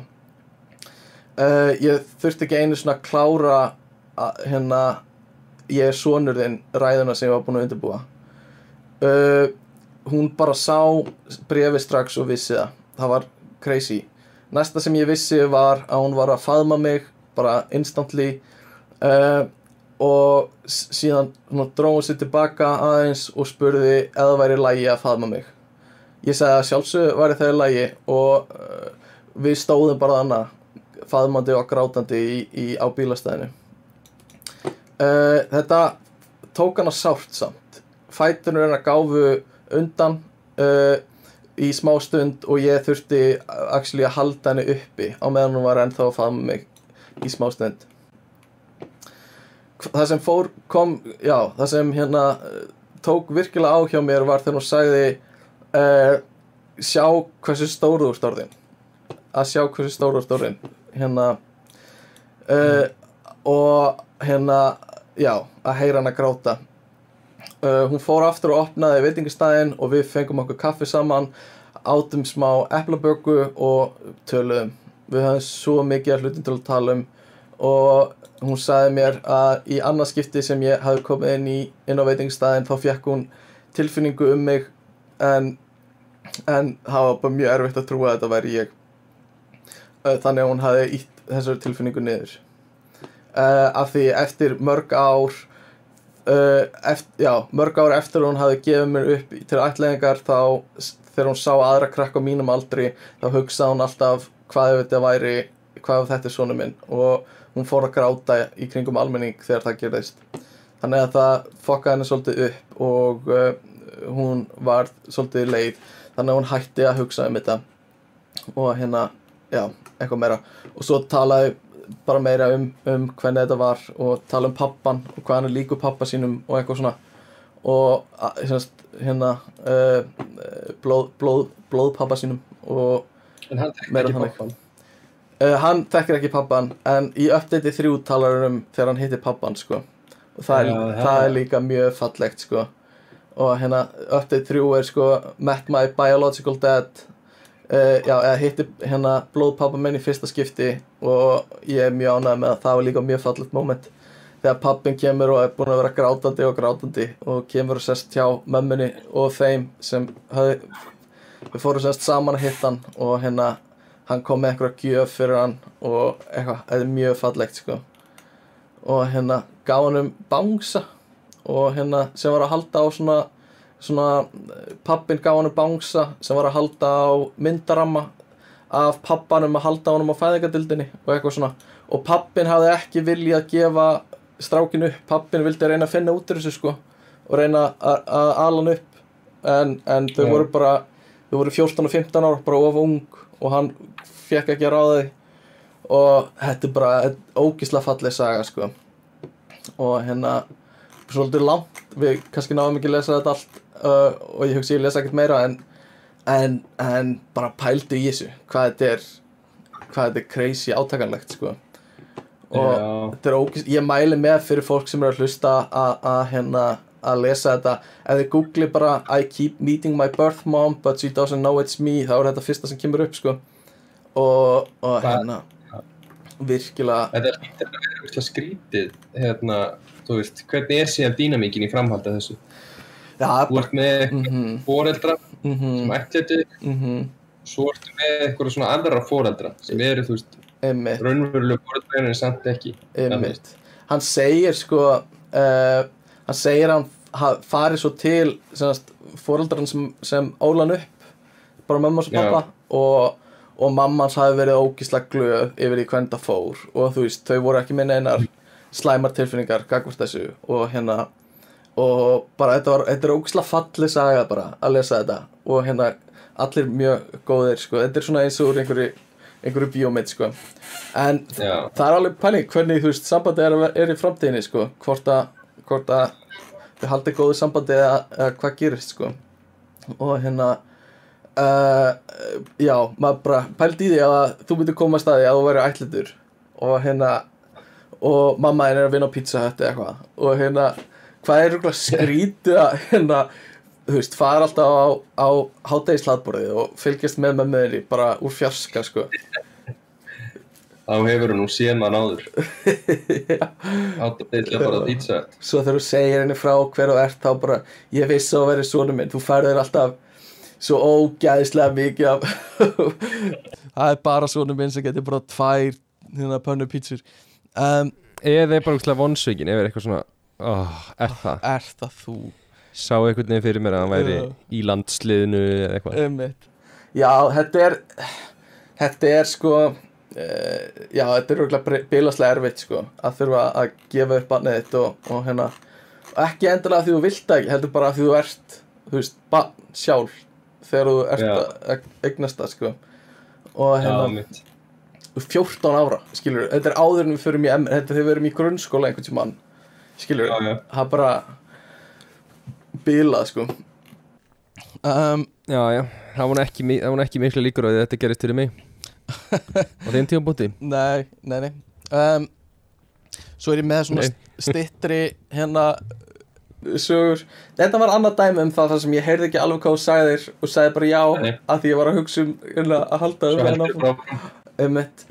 Svo er ég með nokkra svona stuttar hérna uh, líka og ég er með fullt af þessu sko. Við, bara spurning hvað við nennum að fara í gegn mikið. Ég að taka nokkra stuttar hérna inn á milli. Uh, hérna segir einhver uh, þetta er svona lítil tweet á játningum.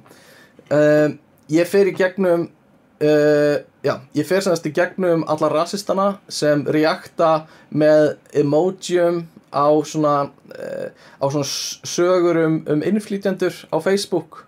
Eitthvað svona leiðinda komment á Facebook. Finn þá og tek screenshot af prófálna þeirra og hvað þeir eru búin að vera að segja og sendi á, á semast vinnuveitunda þeirra og hérna Mér finnst það bara þvílík gott sko. Bara svona kvundagsetja sko. það er bara mjög gott sko. að hérna margir í kommentarkerfunum að vísi hefðu bara mjög gott að þessu sko. er bara að lesa þessi toxic comment oft er bara þú veist, veit fjölskyldaðin hvernig þú ert á netinu það bara væri ekkert að frétta stream þar sem ég og þú bara sittum við tölvu og förum í gegnum förum í gegnum vísiskommentin og hérna og sendum á já, það er svona þetta er svona eins og þetta er svona eins og þegar þegar hérna uh, stelpur sem fá dónatskilaboð eða dick pic eða eitthvað svona leiðendadót frá okkur gaurum og oft ungum strákum taka screenshot og senda á mömmunar maður hefur séð þetta. Já, já, og stundum segja mömmunar eitthvað svona já, takk fyrir að senda mér þetta, þetta er ógæslegt ég tala við hann. Og hérna bara uh, hann er betur upp alveg þetta eitthvað svona, komið með alvöru svar. En stundum eru mömmunar bara bara, já, ok, ógæslega hóraðin hérna, eitthvað, bla og eru bara ógæslega vondar og móti og eru bara hlæja bara að því sem krakkana eru að gera og bara uh, ógæslega skrítið sko. Sem er samt svona meikar alveg sens því að þú veist er baling reyndar sko, algjörlega. Um, hérna er önnur svona stuð ef, Nei, ok, hvað segirðu? Nei, það ég að tala, en gaman Hættu, sko, aftur, ég vil minna hlustandra á, það er smá lag í samræðanum okkar að því gummur í öðru landi, þannig að stundur lítur út eins og ég sé að grípa fram í honum. Þegar ég er það ekki. já, já, Mhm. það var nú líka alveg lagg þegar við vorum á Íslandi um, en já, núna að því ég er nú með orðið það var einhvern veginn svo mikið sem ég þarf að segja Já, ok. Nei, þessi ég ætlaði að skjótin þarna var að uh, ef þú ætlar samt að grípa svona glóðvorkun og screenshot eitthvað svona skilabóð Mhm, mhm. frá kallmanni sem er mögulega í stjórn lífeyrissjóða eða situr í einhverju kvótafyrirtæki Mm, mm. þá höfum við samfélagi alveg lagt okkur það er alveg komið skýrt fram að það verða engar afleðingar Nei, en þess vegna þarf að senda á mömmunar. Ef þú sendir á Já. mömmur einhverja stórfyrirtækja kalla og láta mömmunar alaða strákana sinu upp og segja bara skammast þig fyrir þetta, skilur þá verða afleðingar. bara, þú mátt ekki fara í vinnuna, þú ert í straffi og bara mátt ekki vera í vinnuna. Þá verða alveg afleðingar. Nei, en þetta er alveg rétt, sko, þetta er, það, þú veist, þetta er svona partdæmi um hérna, það sem almenningur tekur kannski ekki lögin í sínur hendur en svona vinnur sína svona hérna forvarna vinnu það sem það Já, er bara, bara, bara gerðist mikið af þessu og þau listir sko, bara go nuts í þessu að taka einhver screenshot af umöðlegum kommentum og eitthvað. Og þú veist ég hugsa alltaf ámaður í svona aðstæðum ef maður finnur eitthvað svona og maður vill posta einhver stað hjá sér bara sjáðu hvað þetta fólk er aðsnarlegt ámaður, ámaður að blurra út nafnið af því að það er ofta eitthvað sem maður gerir til þess að passa skilur manneskjan líði ekki fyrir að þú vilt posta einhver hjá þér. Eða átt ekki bara að leifa þú veist, vondu manneskjunni að fá hérna nafnið sitt byrt með ógiðinu sem það segir sko. Jú, líka maður spyrsi sko varðandi svona lagaraman er, er eitthvað bannað við að taka screenshot af einhverju sem að þú postar eða einhver prófætt postar? Og ég, setja það eitthvað annað? Ég held þú veist, þetta er allt opið á netinu. Það er oft það sem ég bara hugsa sko. ef þú ert að segja þetta í þú veist, á opnum stað á netinu mér finnst alltaf svona aðeins meira uh, svona, ég, þú veist, það er alveg örgulega löglegt ennþá en það er svona, er svona minna kannski gegnsætt ef þetta er á lokuðum hóp eða ef þetta er í, þú veist ef þetta er í, í engaskilabóðum eða ef þetta er í hérna uh, net, tölvupost samskiptum eða eitthvað að þá finnst mér svona meiri mega meiri sens að blöra út sko oft Já. og það þarf ekki vera endilega hérna eitthvað tengt sko einhverju ógíslega, einhverju perradóti bara svona alltaf að þú byrtir einhver enga skilabóð finnst mér alltaf mega sens að hugsa ætti ég ekki að blöra út þú veist, nema ég er búin að fá samþyggi skilur fyrir að byrta um, og hérna, já, allavega hérna segir hérna er önnur svona stutt kona mín uh, hérna, hún já, tolerates, hún afber ok, kona mín hún þólir, l- lætur sig hafa að hérna, að leifa mér að, að halda kjúk uh, hænur, að vera með hænur svo lengi sem uh, þau eru að, að hérna, verpa eggjum reglulega. Hún lætur sig hafa það fyrst þau eru að verpa eggjum.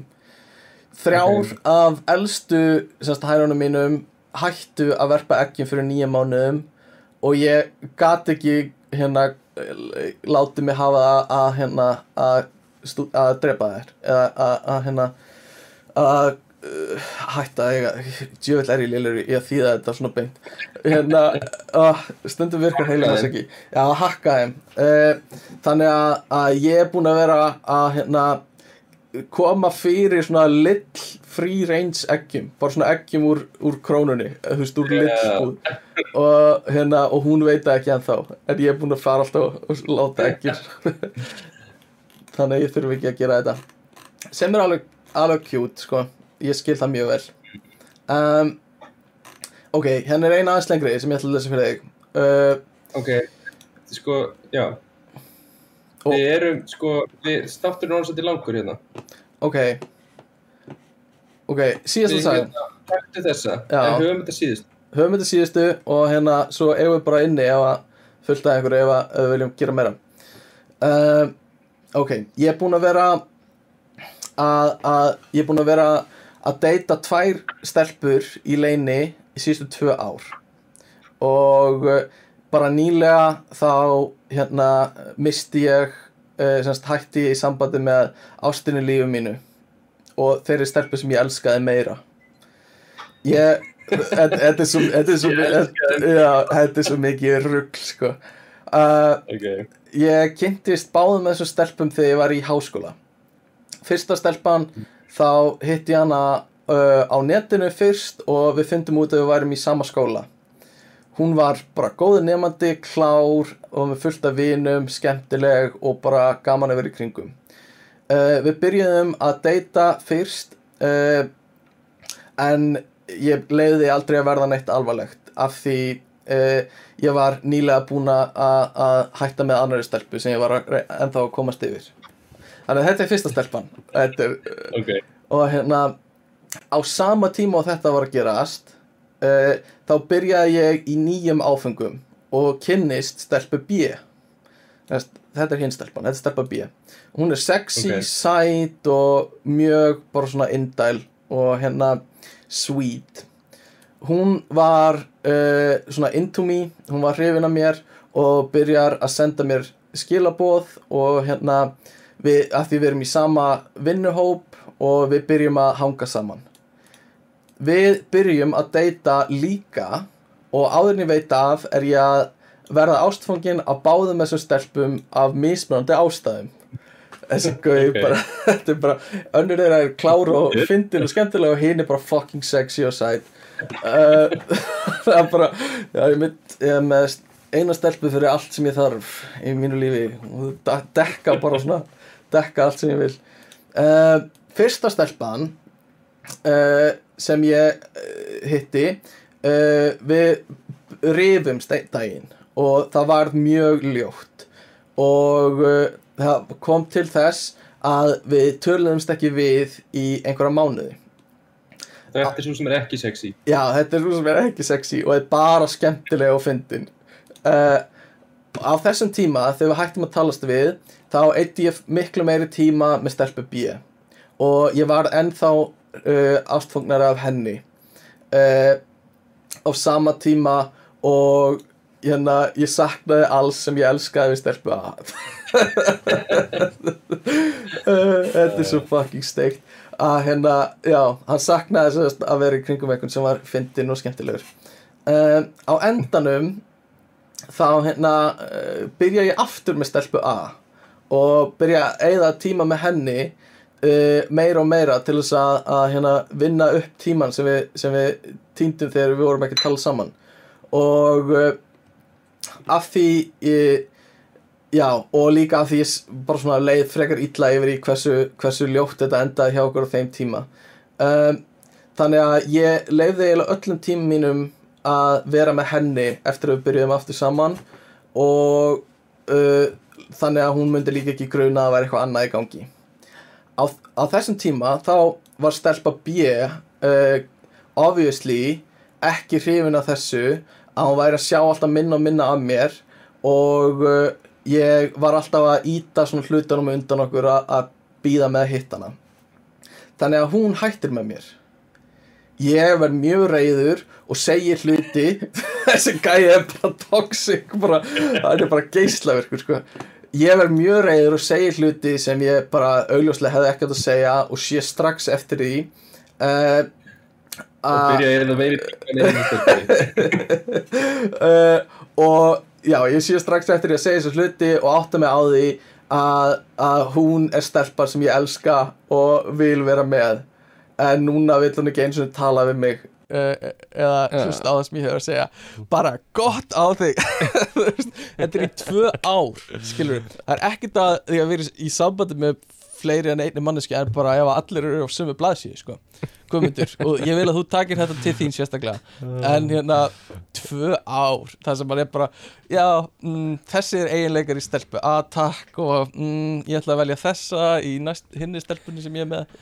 Uh, Samt ógustlega þægilegt fyrirkomulega að geta verið bara eitthvað mm, uh, Smá erfileikar hérna, ég ætla bara að hoppa yfir hinum einn Já, hopp yfir hínum einn Þetta er svona það sem Ég held að þetta sé mjög algeng ástæði fyrir að, að fólk kannski bæði hætti saman og líði illa eftir sambandsliti er sko er þegar hérna uh, kærastan er, er eitthvað svo leiðis, tökum bara það sem dæmi er eitthvað svona, já ég ætla bara að hanga með Axel vinnum mínum og þú eh, og hinn manneskjan er eitthvað hérna, og það er ekkert í gangi milli ykkar. Og hún er eitthvað, nei, hann bara vinnir og svo þegar þið hætti saman þá byrjar hann strax með, með. Axel sko, eitthvað svona ég held að það sé, það er alveg Það er algengt sko. ykkur fucking Axel. Það er eitthvað fucking Axel sko. þetta, er, þetta er mjög algengt held ég.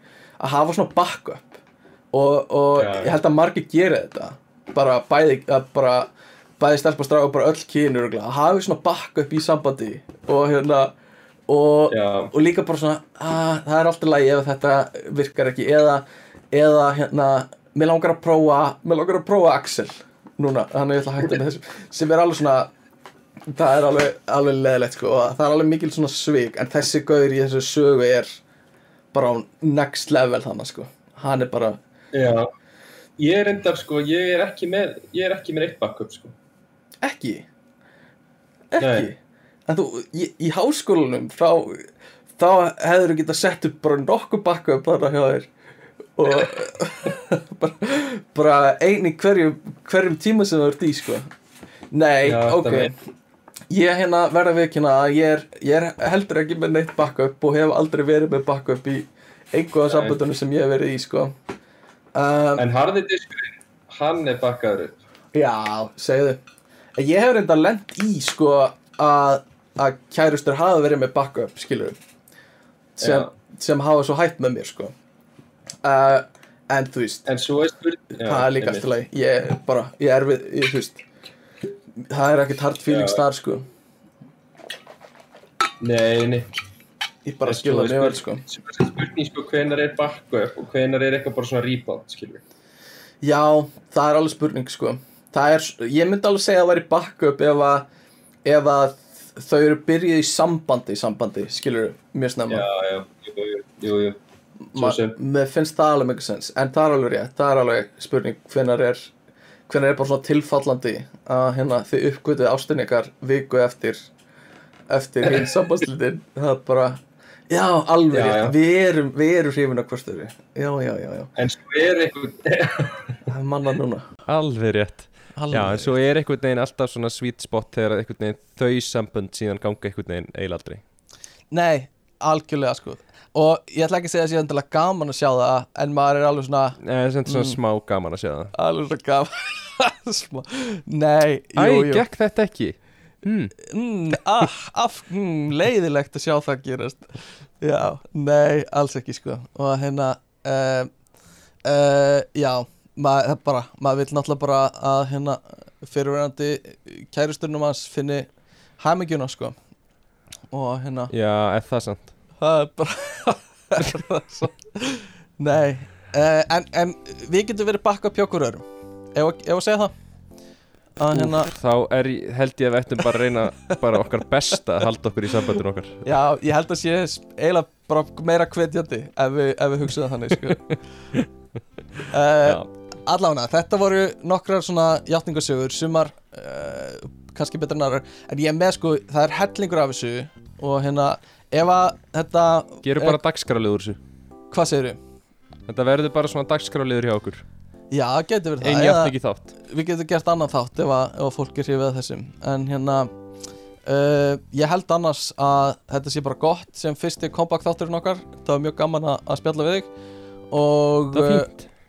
uh, ég bara að vona að allir hafa það gott. Uh, þið hérna uh, sem er að hlusta hafið samband að ekkert að frétta at gmail.com eða eru með uppastungur að einhverju til að gera þættina betri eða umræðefnum uh, eða á Instagramun okkar ekkert að frétta. Stunningsalið þáttarins í dag eru Come back Come back to me. Come back fóstureyðingar. Ha, uh, ha, Æ, mér fann, nei eða þú veist guðmundur? Ha, uh, ég Ég veit ekki, veit ekki hvað þú veist. Ef ég fannst einhvern comeback fyrir að vera eitthvað. Mér fannst það bara langt yfir strikki sko. Ég veit ekki. Þetta var svolítið skrítið bara. Einhvern veginn ekki mómentið Herru, já, uh, við bara kveðjum þá og, og hérna. Ég er bara ekki við sem ég hafi tækin eða tólinn í að klippa